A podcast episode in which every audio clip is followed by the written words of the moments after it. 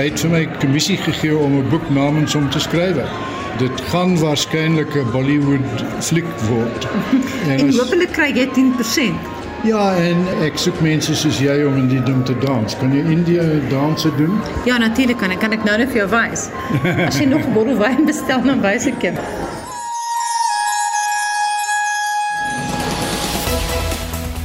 Praat met die vader van die Vrye Mark Stichting Leon Louw oor sy bedanking. Verskeie kwessies sal bespreek word op die ANC se beleidskonferensie wat gister amptelik begin het. Dit in aanloop tot die party se nasionale konferensie in Desember. En die EFF vier sy 9de bestaanjaar. Die span vandag redakteur Veronique van Heiningen, produksieregisseur Johan Pieterse en ek is Anita Visser. Welkom by Naweek Aktueel, jou naweek nuusprogram op RSG. 'n Lid van die ANC se nasionale uitvoerende komitee, Mameloko Kubai, sê een van die hoofbesprekingspunte by die ANC se beleidskonferensie is die land se ekonomiese krisis. Die konferensie het gister by Nasrek in Johannesburg begin. Kubai sê die ANC se beleidsdokument sal poog om oplossings te vind vir Suid-Afrika se sosio-ekonomiese uitdagings. En ons praat nou verder hieroor met professor Susan Boysen, 'n politieke ontleder by Wits Universiteit. Goeiemiddag. Goeiemiddag Anita. Susan, dis nie die eerste keer dat hy sê dat die probleme kan uh, teruggevoer word na die binnengevegte in die ANC nie. Stem jy saam? Ja, inderdaad. Ek dink dit is 'n baie baie groot deel en 'n groot deel van die oorsake van die ANC probleme. Dit means dat dit het gemeen in die afgelope jare na mate die ekonomiese en sosio-ekonomiese krisis vererger in Suid-Afrika dat daar min oog op die sprake was van oog op die bal dat daar altyd ander sake was om te prioritiseer om eers om die instellings probeer kaap of beheer en waarskynlik te kaap vir persoonlike gewin en dan miskien te kyk of daar 'n bietjie beleid in die proses deurgevoer kan word. So die organisatoriese stand van sake in die ANC en hulle aandag aan beleid en kwaliteit aandag aan beleid gaan beslis hand aan hand. En die vakbonde gaan ook ter sprake kom want hulle is daar. Ja, inderdaad, dit gaan wees. Jy weet, hulle het hulle natuurlik nie tipe van status wat die takke het by hierdie groot ANC byeenkomste nie. Maar dit is nie 'n stemvergadering nie, dis 'n debatvergadering byeenkoms. So hulle sal beslis ook hulle stemme laat hoor. Maar dis in die eerste plek die ANC en sy takke die organisasie se takke en hulle afgevaardigdes die mandate waarmee hulle kom. Dit is altyd die die hoe aan die aan die leer by die ANC berading. Wat dink jy kan die oplossing wees vir 'n sosio-ekonomiese uitdagings? Daar word so baie daaroor gepraat. Anita ja, die en wat ek is self nie die groot ekonom wat die antwoorde almal weet nie, maar ons weet beslis dat daar soveel planne en soveel aksies en inisiatiewe is hierdie jare wat net nie die sistematies vrugte afgewerp het nie. Miskien is dit 'n deel 'n groot deel van die probleem in die deurvoering en implementering van hierdie beleid dat daar net nie genoeg aandag gegee word aan al die samebindende faktore wat hierdie komplekse web van ekonomiese oorsake en gevolge daarstel nie. Dit daar was nie dis nie een spesifieke beleid waarin baie duidelik geglo word nie 'n beleid word aangeneem dan word dit ondermyn deur ander faksies in die ANC of die partytjie deur genote wat self nie 'n duidelike ideologiese alternatief het nie. En dan word daar net nie van onsself skuld gevind deur die beleid wat aangepak word. En dan dan val dit baie dikwels in daardie toewyding en absolute geloof in daardie beleid om dit deur te voer. En miskien nie die beste gevolge impak in die wêreld hê nie maar duidelike impak. En intendeel daarmee en dis nie in staande die krisisse soos covid en globale krisisse is daar baie meer wat nie akute aandag binnelands aan die deurvoer van beleid met fout beleidsrigtinge, beleidsinisiatiewe met foute en al. Net dat die akute fokus op die deurvoering daarvan dink ek kon baie beslis meer suksesvol gewees het. So wat vorentoe sê, wie dit is, dit is een van die groot lesse om absoluut net deur te voer en nie halfhartig is aan te pak en dan weer aan 'n rigting in te slaan nie. Baie dankie en so sê die politieke wetenskaplike professor Susan Boysen van Wits Universiteit. Die hoof van die Vrystaatse kantoor van die openbare beskermer, Spelo Samuel, sê hy die aanstelling van Busi Siwe Mekwebane as openbare beskermer in 2016 gesteun. Samuel het gister vir die derde keer voor die parlement se artikel 194 komitee verskyn. Die komitee ondersoek Mekwebane se bevoegdheid om die pos te beklee. Celine Merrington het meer. Die komitee het met 'n paar hoë gemoedere afgeskop van die LPS soos die ATM leier Vuyo Zungula en EFF LP Ompile Mautwa het die voorsitter daarvan beskuldig dat hy onregverdig is en nie hou by die reëls van die komitee nie. Die reëls vereis dat LPS eers vra aan die getuies kan vra nadat kruisondervraging afgehandel is, maar die voorsitter, Kobudile Jantjie, het anders besluit, iets waarmee Zungula nie tevrede was nie. You as the chairperson of this committee you are not fair. It appears as if you have a predetermined outcome. You have a predetermined outcome that this process must take. If this process is going to continue the way you are driving this process then it will spell out that this entire process there is a witch hunt against advocate Mkhwebane by the manner in which you are running this process Mkwebane se regsverteenwoordiger Dalien Pofu het gemaan dat dit in 'n boendehof kan ontaard. And we come here to continue the cross examination with no reference to us. The process just moves on. This is completely unfair. We can't run this like a kangaroo court. It can't happen like that. I mean, at the very least, someone should have given me the courtesy of indicating A, that I'm being gagged, or that the cross examination is finished. Maar Jantjie het ontken dat hy onregverdig opgetree het. We're not running an elastic process that has no end. It must be done within a reasonable time. And we want to achieve that. And as we achieve that, we balance that with fairness, which we have done completely so. This is not a kangaroo court. There's no bias shown here. In fact, there's a lot of fairness and rationality in this process. Samuel het 3 dae voor die komitee verskyn waar hy onder meer getuig het dat Mqobane nie toestemming wil gee vir dagvaardings vir politici wat nie al samewerking wil gee in die vrede suiwel plaas ondersoek nie, dat hy bekommerd was oor roekelose litigasie in die OB kantoor sedert haar termyn begin het en dat sy nie oor die nodige intellektuele en regskennis beskik het nie.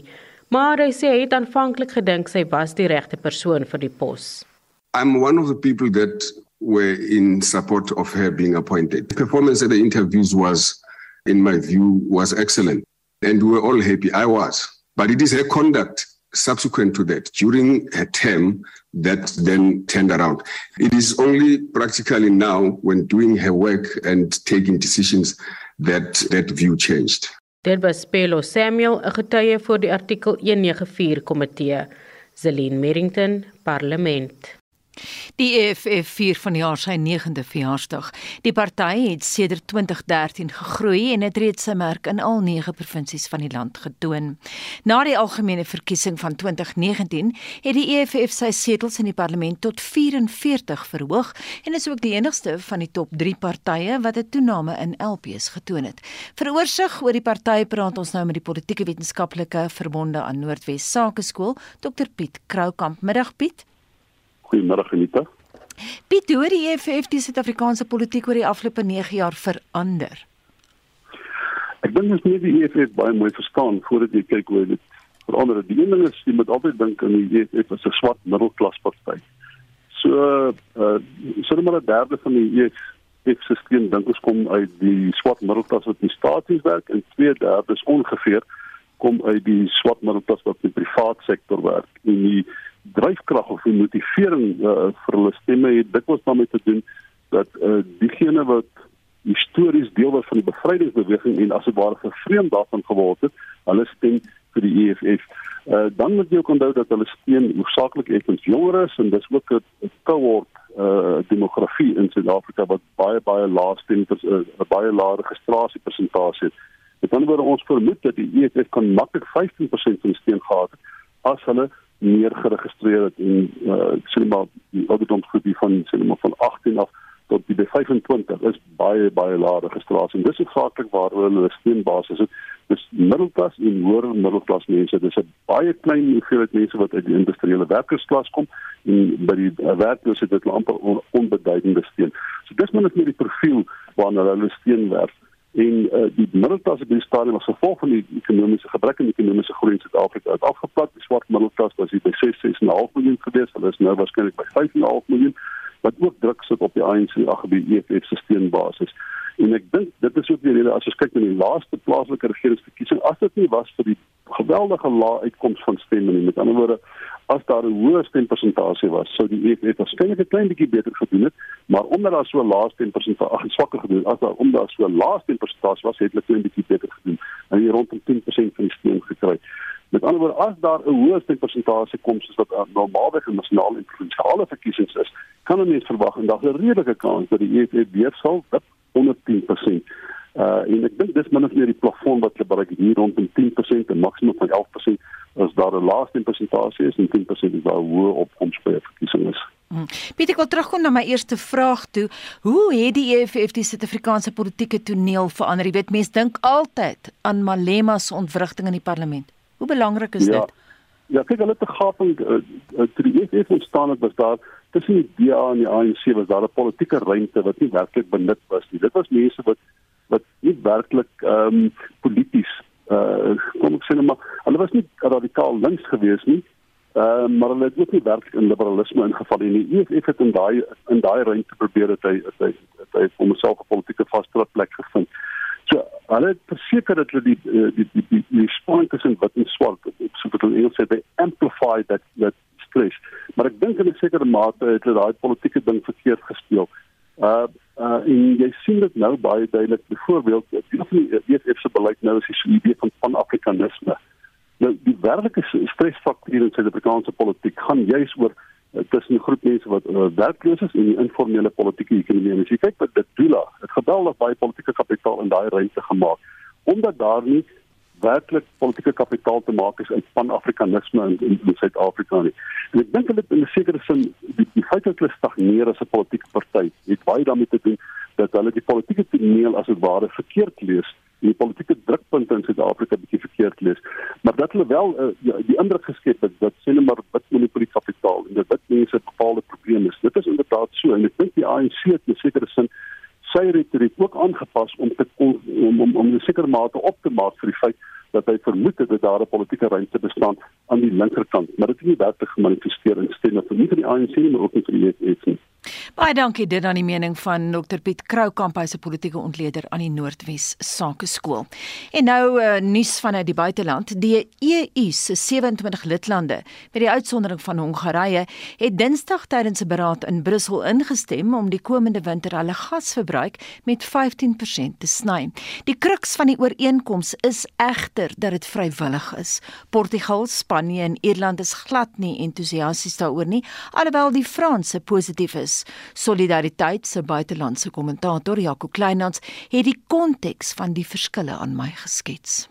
Wel die rede hoekom dit vir sommige lande makliker is om in te stem tot 'n afname en gasinvoer uit Rusland natuurlik is omdat hulle goeie alternatiewe tot hulle beskikking het. Party lande het reeds hawens wat die invoer van vloeibare gas uit die Midde-Ooste en Amerika baie goed kan hanteer. Nederland is so 'n land, België en Frankryk beskik ook oor daardie vermoë ook om vloeibare gas te stoor. Dan is daar ook lande met baie goeie kernkapasiteit soos Frankryk en hulle het dus alternatiewe tot hulle beskikking. Die probleem is Duitsland en Italië waar dit nie so maklik is om eenvoudig die gasverbruik te verminder en dit baie vinnig met ander bronne te vervang nie. Kom ons praat 'n bietjie oor die Nederlanders. Hulle het sommer self hulle energieverbruik in 1 maand gesny. Absoluut so. Ek dink die Nederlanders is 'n goeie voorbeeld van hoe 'n land definitief meer energie doeltreffend kan wees. Natuurlik aan die een kant, ons sien dit is somer uh, tans in Europa en, en tipies in Europa waar daar heelwat minder elektrisiteit in die somer gebruik en dit het definitief 'n bydrae gelewer die hoë temperature tot 'n laer energieverbruik omdat daar in die winter baie energie gebruik word vir verhitting. Maar Nederland het uh, 'n hele plan geïmplementeer waar volgens openbare geboue alle huise byvoorbeeld reeds die afgelope 2-3 jaar meer effektief ingerig is vir energiegebruik. So die hele Nederlandse bevolking is eintlik baie sterk ingestel daarop om hulle energieverbruik te verminder. Dan het die Nederlandse hawens ook die afgelope paar jaar goeie kapasiteit ontwikkel om alternatiewe soos vloeibare gas in te voer. En die Nederlanders het redelik gou gespring en hulle het die afgelope paar weke heelwat vloeibare gas uit die VSA ingevoer ook uit Qatar en dit het dit hulle natuurlik moontlik gemaak om die gas wat deur pypleidings van Rusland afkom baie vinnig met 15% te verminder. Die Duitsers praat van uh, om terug te keer na steenkool toe. Dink jy dit sal gebeur in hierdie groen tye? Ja, dit is eintlik verstommend, nee, as mens eintlik dink dat dit een van die beloftes was van die nuwe regering wat einde verlede jaar in Duitsland is, 'n koalisie regering wat die Groen Party insluit en dat die fokus baie baie sterk was op alternatiewe energie en om juis huidige energiebronne wat fossiel brandstof gebruik te verminder. Nou daar is tans 16 steenkoolkragstasies geslote steenkoolkragstasies in Duitsland en die huidige koalisie regering het aangedui dat hulle soveel as moontlik van hierdie steenkoolkragstasies wil heropen. Nou die kragstasies behoort aan verskillende energiemaatskappye en daar is tans onderhandelinge tussen die Duitse regering en hierdie maatskappye om hierdie stasies te heropen. Dit is natuurlik nie so maklik nie. Jy weet baie van hierdie stasies is al jare gesluit. Daar moet heel wat werk gedoen word om hulle weer te kan heropen. En dan in die tweede plek moet die steenkool van ergens af kry. Duitsland se eie steenkoolmyne is byna almal gesluit.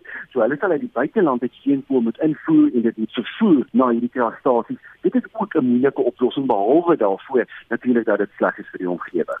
Wat is die Italianers se opsies? Hulle het 'n paar maande gelede gepraat van nouer bande met Algerië en die moontlikheid om dalk van Algerië af gas in te voer. Hulle het gepraat van die verbetering en die opgradering van infrastruktuur. Ja, Italië is natuurlik een van die lande wat die grootste probleem het omdat omtrent 45% van sy gas tans nog uit Rusland kom. Verlede week was die eerste minister Mario Draghi op besoek aan Algerië en hy het 'n ooreenkoms van 4 miljard dollar met die landse regering gesluit waar volgens die gasuitvoere redelik gou vermoë gaan word na Italië. Nou Algerië het ekstra kapasiteit, maar dan moet heelwat in infrastruktuur belê word. En die Italiaanse regering wat 15 verskillende ooreenkomste met Algerië verlede week gesluit het om ook in infrastruktuur in die land te belê. So Italië kyk baie sterk na Algerië as 'n alternatief vir die gas wat hulle tans uit Rusland invoer. Daar is sekere lande, Spanje, Portugal, Hongarye veral in Ierland wat eenvoudig glad nie gewillig is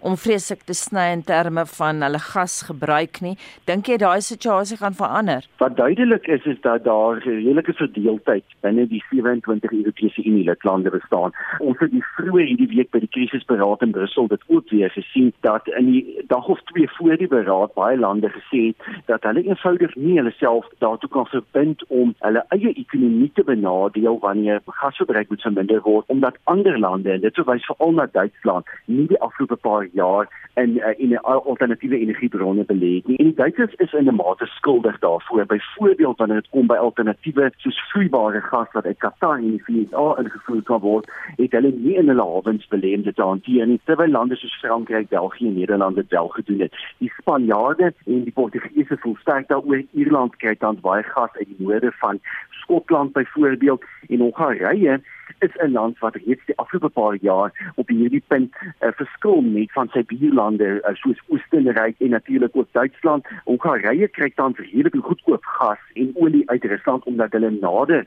aan Rusland geleë is. Die groot vraag is toe, hoe lank gaan die Europese Unie daan slaag om sy 27 lidlande bymekaar te hou om elke keer hulle te kry om konsensus te bereik oor wanneer krisis stappe geneem moet word. Die moontlikheid bestaan steeds dat Rusland die gas toevoer oor die volgende paar weke na Wes-Europa heeltemal kan afsny en dan sal daar baie moeilike besluite geneem word. Ek dink dit is waar die huidige solidariteit binne die Europese Unie lidlande getoets gaan word. Nou die Russe het reeds 20% van die noordelike gaspyplyn se gas toevoer gesny. Met hoeveel dink jy gaan hulle dit nog sny? Wel, as mens net kyk na die impak wat dit het op die Russiese regering se inkomste, is dit eintlik baie beperk. Rusland maak baie meer geld uit olie as uit gasuitvoere en sy gasuitvoere afvoere na Wes-Europa verteenwoordig maar tussen 1 en 2% van die land se bruto binnelandse produk. So indien Vladimir Putin Wes-Europa eintlik 'n bietjie in 'n hoek wil dwing, dan kan hy natuurlik oor die kort termyn die gas toevoer heeltemal afsny.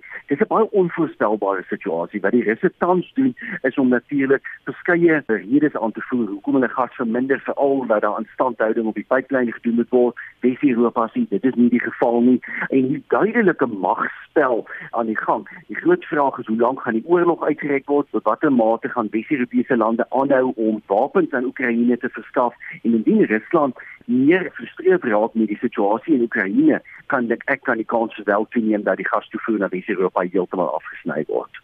En so sê Solidariteit se buitelandse kommentator Jaco Kleinhans, ons bly by die effek van die oorlog in Oekraïne. Die Russe se missiellugaanval op die hawe stad Odessa verlede naweek het die ooreenkoms oor die uitvoer van graan na verskeie lande wêreldwyd gevnyk.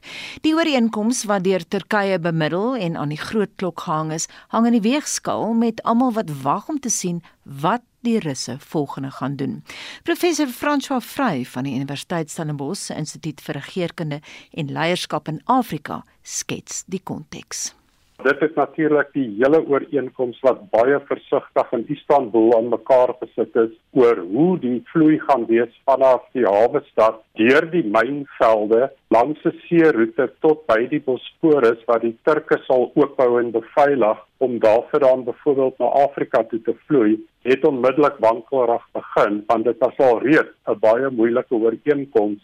In die ooreenkoms word daar voorsiening gemaak dat die VN en Turkye sal monitors in hierdie hawens plaas en hulle sal die gebiede waar graan gestapel word, sal hulle inspekteer want dit is afgebaken en die russe weet waar dit is. Maar dit is 'n oorlogssituasie, daai oorlogssituasie speel uit op see, daar is 'n blokkade deur die Russiese vloot, daar is mynvelde met baie spesifieke kanale, dis hoekom Oekraïne het uh, hulle eie navigasievaartuie as ook kaarte beskikbaar gestel wat net hulle het oor hoe kan hierdie skepe wat die graan moet vervoer deur die mynvelde vaar om uiteindelik by 'n skoon skeepsroete uit te kom.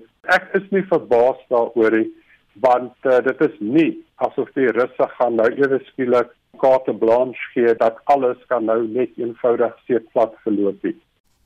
Dit dan professor François Vrey van die Universiteit Stellenbosch Instituut vir Geerkunde en Leierskap in Afrika. En vir die jongste sportnuus hier is Christo Gawe. Goeiemiddag. Gister was 'n sware dag vir die Suid-Afrikaanse vroue sewe span by vanjaar se Statebond spele in Engeland. Die Suid-Afrikaanse vroue het teen Australië 38-0 en teen Fiji 41-0 verloor. Maar die Blitsbokke is deur na die kwart eindronde van die Statebond spele nadat die span Tonga gisteraand met 36-5 geklop het. Hulle het Maleisië vroeër met 46-0 getroof. Die Blitsbokke speel net na een vanmiddag in hulle laaste groepwedstryd teen Skotland waarna die kwart eindwedstryde vanaand beslis word. Die Skotte is ook onoorwonde nadat hulle op die eerste dag Tonga met 41-0 en Maleisië met 50-12 geklop het. Die halfeindstryde vind môreoggend plaas terwyl die eindstryd môre middag beslis word. In swem het Suid-Afrika se Lara van Niekerk die 50 meter borsslag vir vroue gewen. Van Niekerk het die oggend haar uitdin in 'n tyd van 29,82 sekondes gewen en dit gisteraand in die halfeindronde tot 29,80 sekondes verbeter. Die wêreldrekordhouer in die 200 meter borsslag, Tatjana Skoenmaker, is ook deur na die eindronde wat vanaand plaasvind. Sy was tweede in haar halfeindronde in 30,94 sekondes. Die 19-jarige Matthew States het sewende geëindig in die eindronde van die 400 meter vryslag vir mans in 3 minute 50,07 sekondes. In cricket is Suid-Afrika se vroue cricketspan vandag teen Nieu-Seeland reeds in aksie. Engeland het die Proteas onlangs in 'n T20 reeks wat as voorbereiding vir die spele gedien het met 3-0 gewen. Die T20 reeks tussen die Protea mans en Engeland is gelykop en word môre in Southampton beslis. En by die Tour de France se sesde skof is Ashley Moolman Passio in vyfde plek algeheel. Sy het die skof in 17de plek voltooi. Die laaste twee skofte van die wedren wat môre eindig, is bergskofte waar Moelman Passio in haar element kan wees. Die sewende skof oor 127,1 km word vandag beslis. En dit was Christo Gawie met jou sportnuus. Jy luister na Naweek Aktueel. Die 74-jarige Leon Lou, vader van die Vrye Mark Stichting en uitvoerende direkteur daarvan, het die afgelope week bedank weens verskille met kollegas wat hy glo die stigting se waardes gekaap en verdraai het. Lou het geen doekies omgedraai in sy mediaverklaring waarin hy die stigting se huidige leiers as vals beskryf nie. Lou sê alle politieke ambisies en eie belang is strydig met die credo van die Vrye Mark Stichting inligting. Op hulle beurt beskuldig van sy kollegas Lou van 'n poging tot 'n vyandige oorneem. Dit het ons redaksie laat wonder oor hoe Leon Lou se kop werk. Ek het donderdag in Johannesburg se voorstad Rosebank saam met hom gaan eet om uit te vind. Ek het in my jonger dae slange gevang vir die Fitzsimmons Instituut wat die slangserum gebruik het. So dit moes giftige slange gewees het wat ek aan hulle verkoop het vir 'n bietjie sakgeld wat gebruik was om die serums te ontwikkel wat in later jare eintlik my lewe gered het. So daar was 'n interessante sirkel daar. Weens dat ek geglo het ek weet hoe om slange te behandel, het ek eintlik op 'n brug oor die Slangrivier tussen Wakkerstroom Fortress en Newcastle. En daar was 'n pofadder op die brug van die Slangrivier en ek het hom opgetel om die mense te wys hoe groot sy fangs is. En terwyl ek die slang gehou het en gewys het en toe weer terug op die brug gesit het sê iemand het jou gebyt? Sê kyk daar was twee klein gaatjies waar daar bloed uitgekom het. Ek het dit nie eers gesien nie Dit was te vinnig op een van die fotos kan jy sien hoe sy kop beweeg het. Op die ouenk was ek in die Volksrust Hospitaal maar hulle het geen serum gehad nie. My vrou Fransis het 'n dokter gevind in die telefoongids wat gesê het hy het serum in sy huis en hy het dit toe gebring en toe hy besluit het ek gaan sterf, het hy gesê ons sal nou die serum moet gebruik. Maar daar's baie goed wat Suid-Afrikaners nie van jou weet nie. Almal sê die Vrye Mark Stichting en so aan en die drama wat nou gebeur het, maar jy was die medeskrywer of eintlik die skrywer van 'n Hollywood boek. Ja, The Dealmaker. Dis 'n Hollywood boek oor die Indiaanse politiek en 'n liefdesverhaal en 'n filosofiese novel. Maar hoe op aarde het jy aan skryf gekom aan so 'n boek? Dis 'n groot sakeman in India wat my hoor praat het en af en toe ontmoet het in internasionale konferensies en hy het vir my gesê jy sal nooit baie mense oortuig praat nie want net 'n paar honderd hoor jy op 'n beurt. Die manier om baie te bereik is deur 'n boek te skryf. en dit moet 'n roman wees. Hy het vir my kommissie gegee om 'n boek namens hom te skryf dit gaan waarskynlik 'n Bollywood fliek word. En, en hopelik kry jy 10%. Ja, en ek soek mense soos jy om in die ding te dans. Kan jy Indië danse doen? Ja, natuurlik kan ek. Kan ek nou net vir jou wys? As jy nog 'n bottel wyn bestel, dan wys ek jou. Ja. Ek wil vir jou oor iets anders vra. Jou filosofie oor die lewe is baie gebaseer op Ayn Rand ja. se boeke, maar as mens haar nou Google, my pa het haar altyd gelees, maar ek het haar Google en dit is eintlik anti-altruïsme. Ja. Maar jou lewe was altruïsme. Jy het gegaan van 'n marxist na 'n kapitalis, maar dit is gebaseer op 'n sekere insident wat tog te doen het met altruïsme. Vertel tog van die ou tannie en die vrugtemandjie of die wat was dit gewees was ja, ja. en wat het daar gebeur? Hoe het jy verander? Vertel jou storie. Ja ek kan nie sê dat ek 'n groot filosofiese boek van iemand gelees het nie om te bekeer van kommunis na kapitalis toe. Dit was eintlik 'n snaakse gebeurtenis. Ek het gesien hoe die metro polisie 'n uh, ou vrou langs die pad hoek van Brie en Russikstraat waar ek 'n uh, leerklerk was in 'n regsfirma sy het skielik opgestaan en weggehol deur die strate. En toe wonder ek wat gaan hier aan? En een polisieman het gekom en haar mandjie geskop sodat die appels en tomaties oor die straat gerol het. En haar geld het hy toe opgetel wat baie min was. En die ander een het haar gejaag en teruggebring. En uh, baie gewelddadiglik in die polisiekar gestoot. En ek het toe na die traffic cops soos ons hulle genoem het gegaan gesê wat gaan aan En die ou het hulle haar laat gaan en ek het 'n groot storie gemaak. Daar het ek Lawrence Mvundla ontmoet wat ook dieselfde tipe ding gedoen het en later dan die belangrikste swart sakeman in Suid-Afrika geword het as president van die Black Business Council. Maar in elk geval later het ek met my kommuniste en sosialistiese vriende gepraat en gesê maar ons is teen daai vrou. Niemand mag handel in ons filosofiese wêreld nie. So wat voel ons daarvan? En hulle kon dit nie antwoord. Toe dink ek maar wag 'n bietjie, sy's net 'n kapitalis soos 'n bank. Sy's iemand wat goedere verkoop en 'n prys kry en ek het toe besluit dat dit eintlik nie sin maak nie.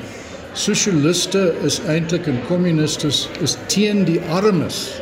Hulle skep groot staatskapitaalkorporasies vir ryk mense. Hulle gee nie om oor arm mense nie. Dis 'n mite.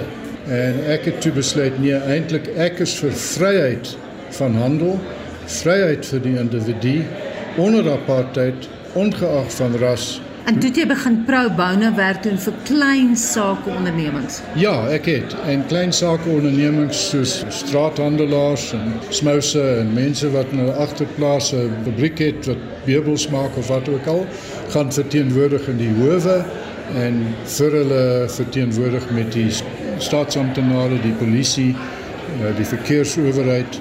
Dit het ek begin doen. Ek het nie 'n keuse gehad nie. Ek kon nie verbyloop terwyl 'n klein sakepersoon deur die polisie gearresteer word. Ek wil terugkom na jou filosofie toe wat aansluit by Ayn Rand. Nou as jy Ayn Rand gaan oplees, dan sien jy dat dit gaan eintlik oor the concept of man as a heroic being. Nou jy is al genomineer vir die Nobelprys vir vrede. Jy word baie hoog aangeslaan deur internasionale kollegas. Jy het Hongarye se grondwet help skryf, jy die VN toegespreek. Hoe beskou jy jouself? Are you the heroic man? Wel ek dink haar definisie sal miskien wees vir iemand wat 'n groot kapitalis is dit is ek hoegenaamd nie. Maar ek is 'n heroic man in die sin dat ek moet instap en moet inbeweeg as ek ongereg sien teen die vryheid van die individu. Dis my groot uh, paradigma wat ek van haar gelees het. Die individu moet vry wees, maar as dit 'n heroic man is, wel eerstens moet ek vra wat van heroic women and children. Miskien is ek nie een nie, maar ek dink sy sou miskien vir my beskou as een? Ek wil teruggaan na 1987 toe by 'n beraad wat Martin Luther King vereer het in Atlanta, Georgia. Het jy gepraat nie, het gepraat oor Suid-Afrika en apartheid en so aan. En toe het jy gesê whites would require security of their already existing freedoms against a potentially all vengeful black government. Beskou jy die huidige regering as vengeful om jou woord te gebruik?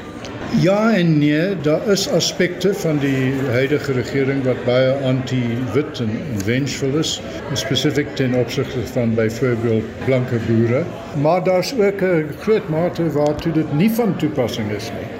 Jy en ek voel so vry soos ons gevoel het min of meer onder apartheid die werkloosheidssyfer onder wit Suid-Afrikaners is min of meer wat dit was.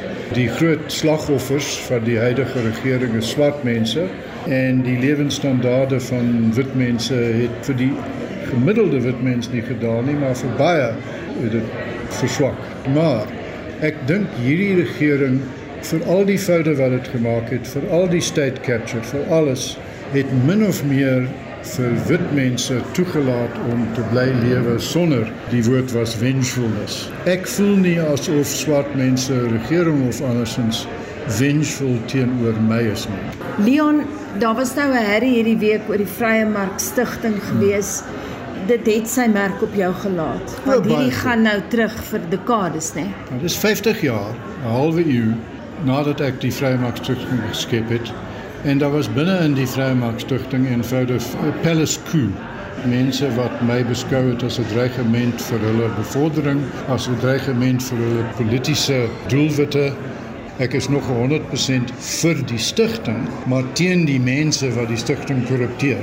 Wat is nou jou pad vorentoe? Jy het 'n rol nog te speel of wil jy iewers gaan aftree en golf speel en slangemelk vergif of Ja, ek sal baie graag weer met slange vriende maak. Ek het hom nie gebyt nie, hy het my gebyt. en jou geliefde katte? En my katte, ek hou van diere, katte in besonder.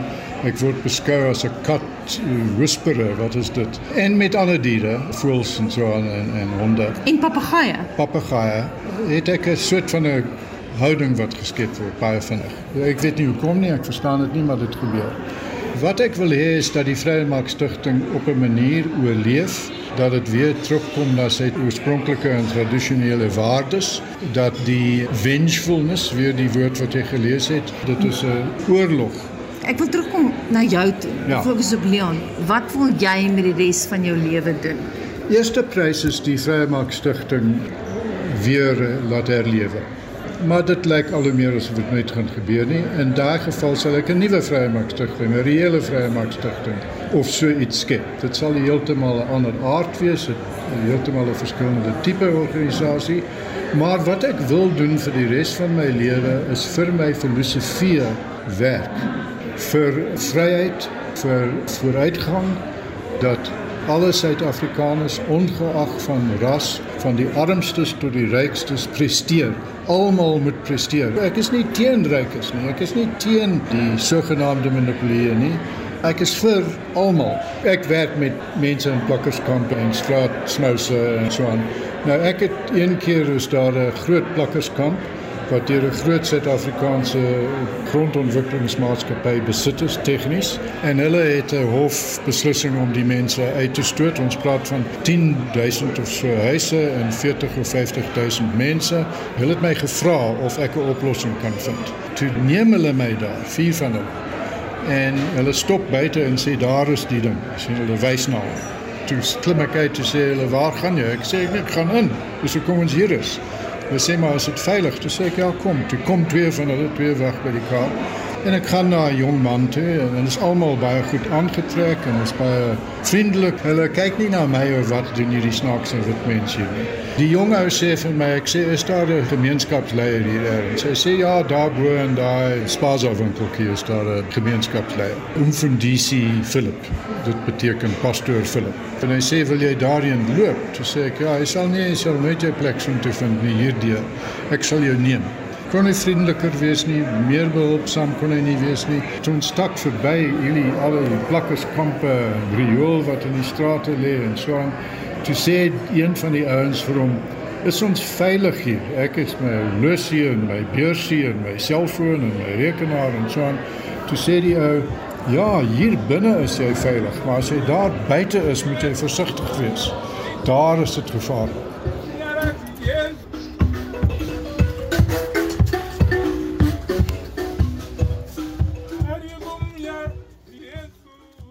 Julie is plastiekmaand, die fokus van die volgende storie. Die hoeveelheid plastiek wat in die FSA vervaardig word, het oor die afgelope 3 jaar gestyg, alhoewel minder plastiek herwin word. So bevind die Environmental Protection Agency, wat boonop sê dat 91% van alle plastiek verlede jaar in stortingsterreine beland het. In Brittanje lyk die prentjie soortgelyk. Die nie-regeringsorganisasies Greenpeace en Everyday Plastic sê dat die Britte jaarliks 100 miljard stukke plastiek weggooi. Trouwens, Everyday Plastic se hoof, Daniel Webb, het aan die BBC gesê recycling does not work and we all know it. Plastiek SA se bedryfshoof, Annabie Pretorius, stem egter nie hiermee saam nie. Nee, glad nie. Hy kom van 'n Europese omgewing af waar recycling iets is wat in die buiteland gebeur. Hulle tel alles mooi op en baal dit en stuur dit ergens anders heen. In Suid-Afrika doen ons dit nie. Ons ons herwin hier by ons. Ons hou ons materiaal hier. Ons het baie akkurate syfers. Ons weet presies wat gebeur. Ons herwin nie genoeg nie, maar daar's nie 'n manier wat ek gaan saamstem om te sê dit werk nie. Dis nou interessant dat jy sê hulle stuur dit iewers anders heen. Nou daai iewers anders is Turkye. Turkye is is die een wat ons van weet. Daar's 'n baie interessante YouTube video wat Daniel Webb dit gevolg het. Maar daar's ook China was baie groot kopers. Nou hoor ons van lande soos die Filippyne en Indië wat groot hoeveelhede van skroot koop van Amerika en van Engeland af. So eintlik maar enige van die armer lande wat minder invoerbeheer het. En wat maak hulle met die plastiek? Party van die plastiek en dis nou waar die groot gesprek gebeur. Party van die plastiek word wel herwin en dan maak hulle nou maar weer speelgoed en goed wat ons weer rustig terug invoer na die weste toe. Maar baie van daai plastiek eindig maar in hulle afvalhope en swak bestuur en ons hoor hulle gooi die goed sommer net in die see en vuur dit af met riviere see toe want hulle haal uit wat waardevol is, maar die res word maar sommer net gedamp. Word daar nie baie van gemaak nie van die plastiek? Ja, is baie. Ons weet Indië was een van die eerste ouens wat begin het met baie. Maar as jy nou kyk hoe groot is Indië en hoeveel skroot dink jy kom uit Amerika en Europa uit? Ek meen daar's definitief te veel vir 'n land soos Indië en hulle het nog hulle eie skroot ook. Wat doen ons in Suid-Afrika reg? Ek dink dat ons reg doen is half per ongeluk. Jare terug, 20, 25, 30 jaar terug kon ons nie materiaal kry nie. So die plastiekvervaardigers nou so 'n baie interessante storie van die ou wat kamme gemaak het. En toe kon hy nie materiaal kry nie want dit was die sanksietyd en die ouens het onttrek. En toe sê hy maar wag 'n bietjie, ons het dan die goed weggegooi 'n paar jaar terug. Kom ons gaan soek dit. En so het ons begin om uit afvalhope uit plastiek bymekaar te sit. Ons het 'n ongelooflike hoë arbeidsprobleem. Met ander woorde mense soek 'n inkomste tel ons guns vir herwinning maar glad nie 'n positiewe sport dingetjie vir Suid-Afrika nie.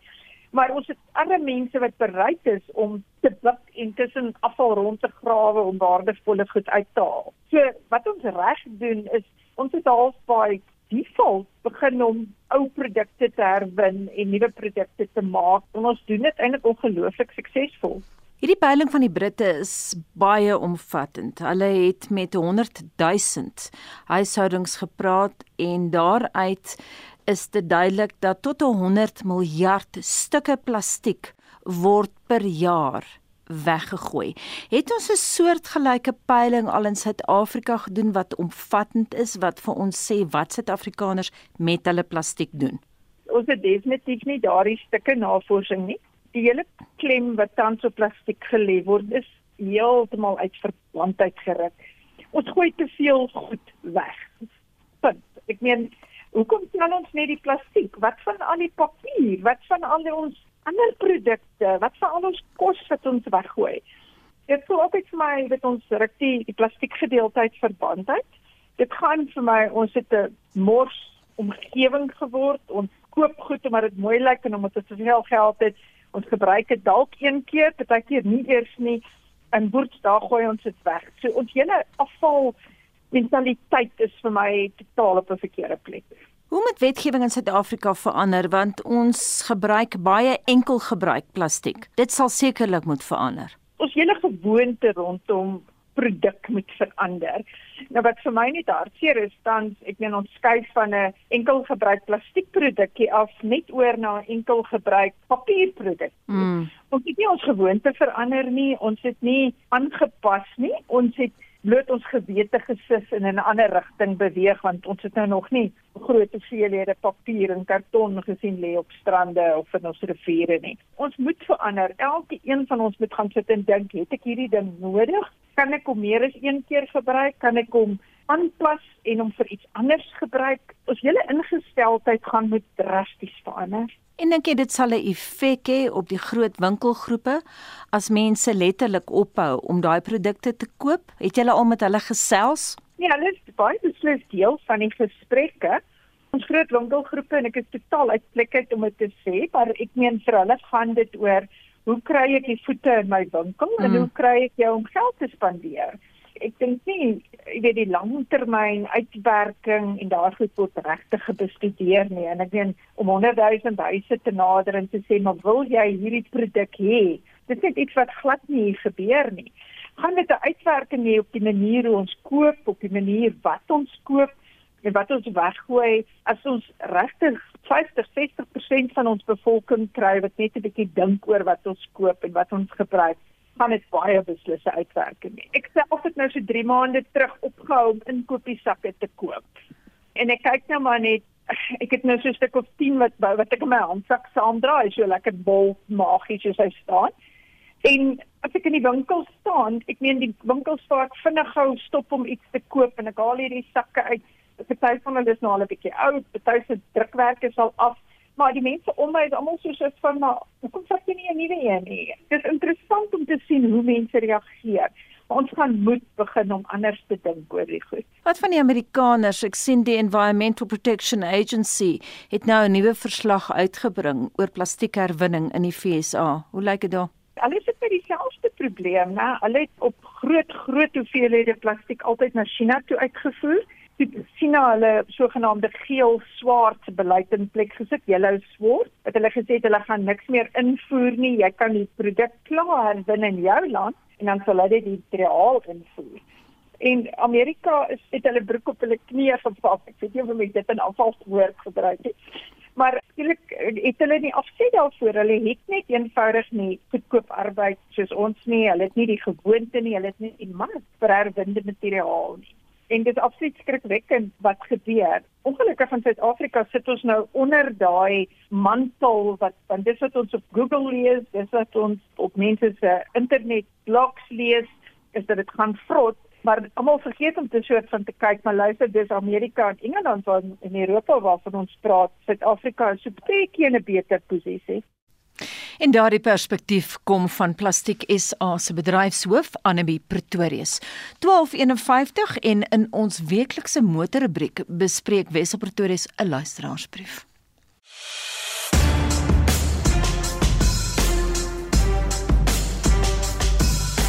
Toyota het vervaardiging by sy Durban-aanleg gedeeltelik hervat nadat die fasiliteit weens die April-oorstromings moes sluit. Water en modder het die aanleg se elektroniese en meganiese toerusting erg beskadig toe die sluise van die Songweni dam wat toe reeds oorgeloop het, oopgemaak is. Die Hilux, Fortuner, Corolla Cross, Corolla Quest en Hiace word in Durban vervaardig. Volle produksie gaan egter eers teen September moontlik wees. Produksie van sy Hino vragmotors kon egter al 2 maande gelede hervat word. Wêreldwyd het Toyota in die eerste helfte van die jaar die meeste voertuie van alle fabrikante verkoop, 5,14 miljoen.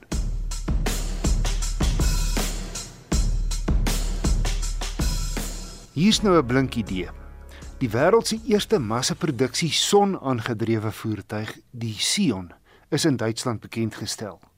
Van ver lyk dit soos enige ander kar, net wanneer jy naby die voertuig staan, kan jy sien dat die volledige bakwerk vol sonselle is.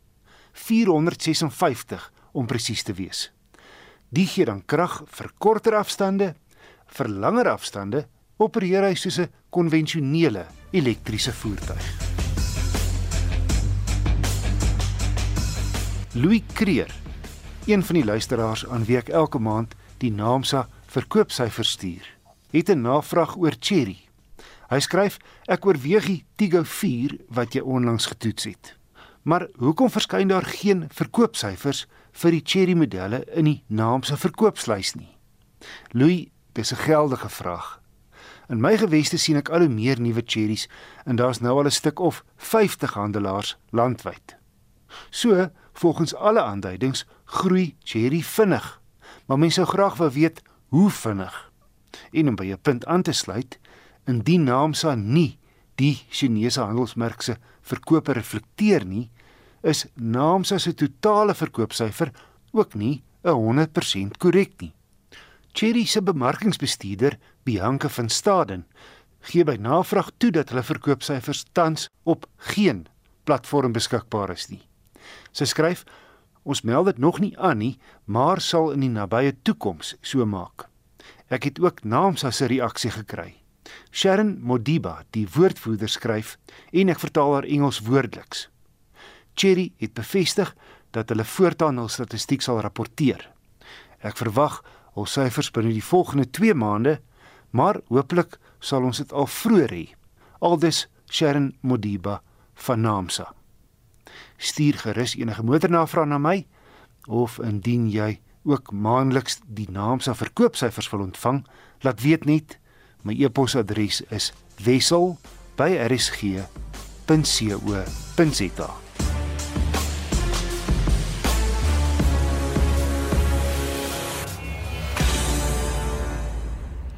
Fliekvlooie, hier is Leon van Heerop met raad oor waarna jy kan gaan kyk die naweek.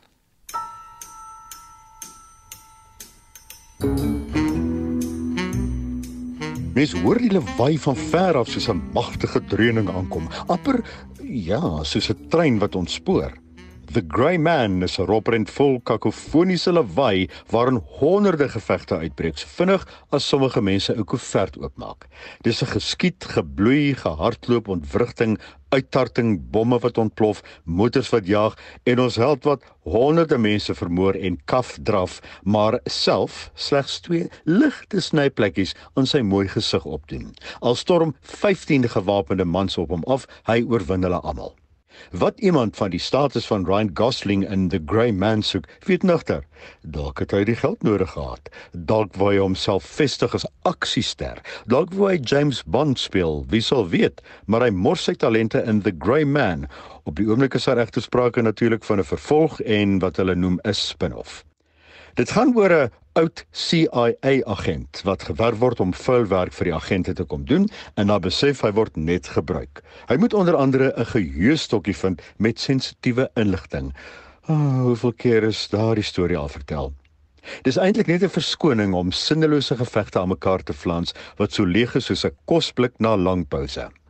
Aksieverslaafdes egter mag voel hulle geniet dit ter dee, daai mooi Afrikaanse woord ter dee, né?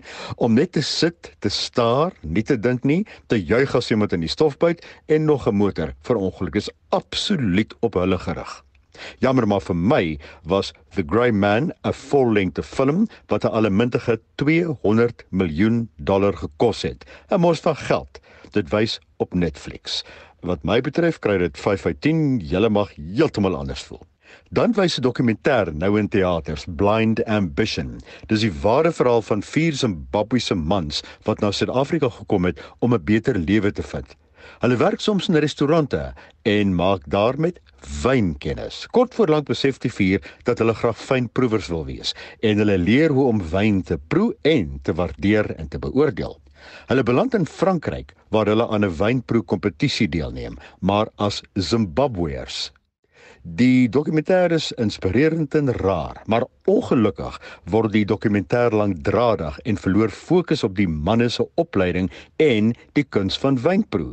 Daarvan word te min gewys sodat mense teleurgesteld is oor die hantering van die gebeure wat so absoluut uniek is.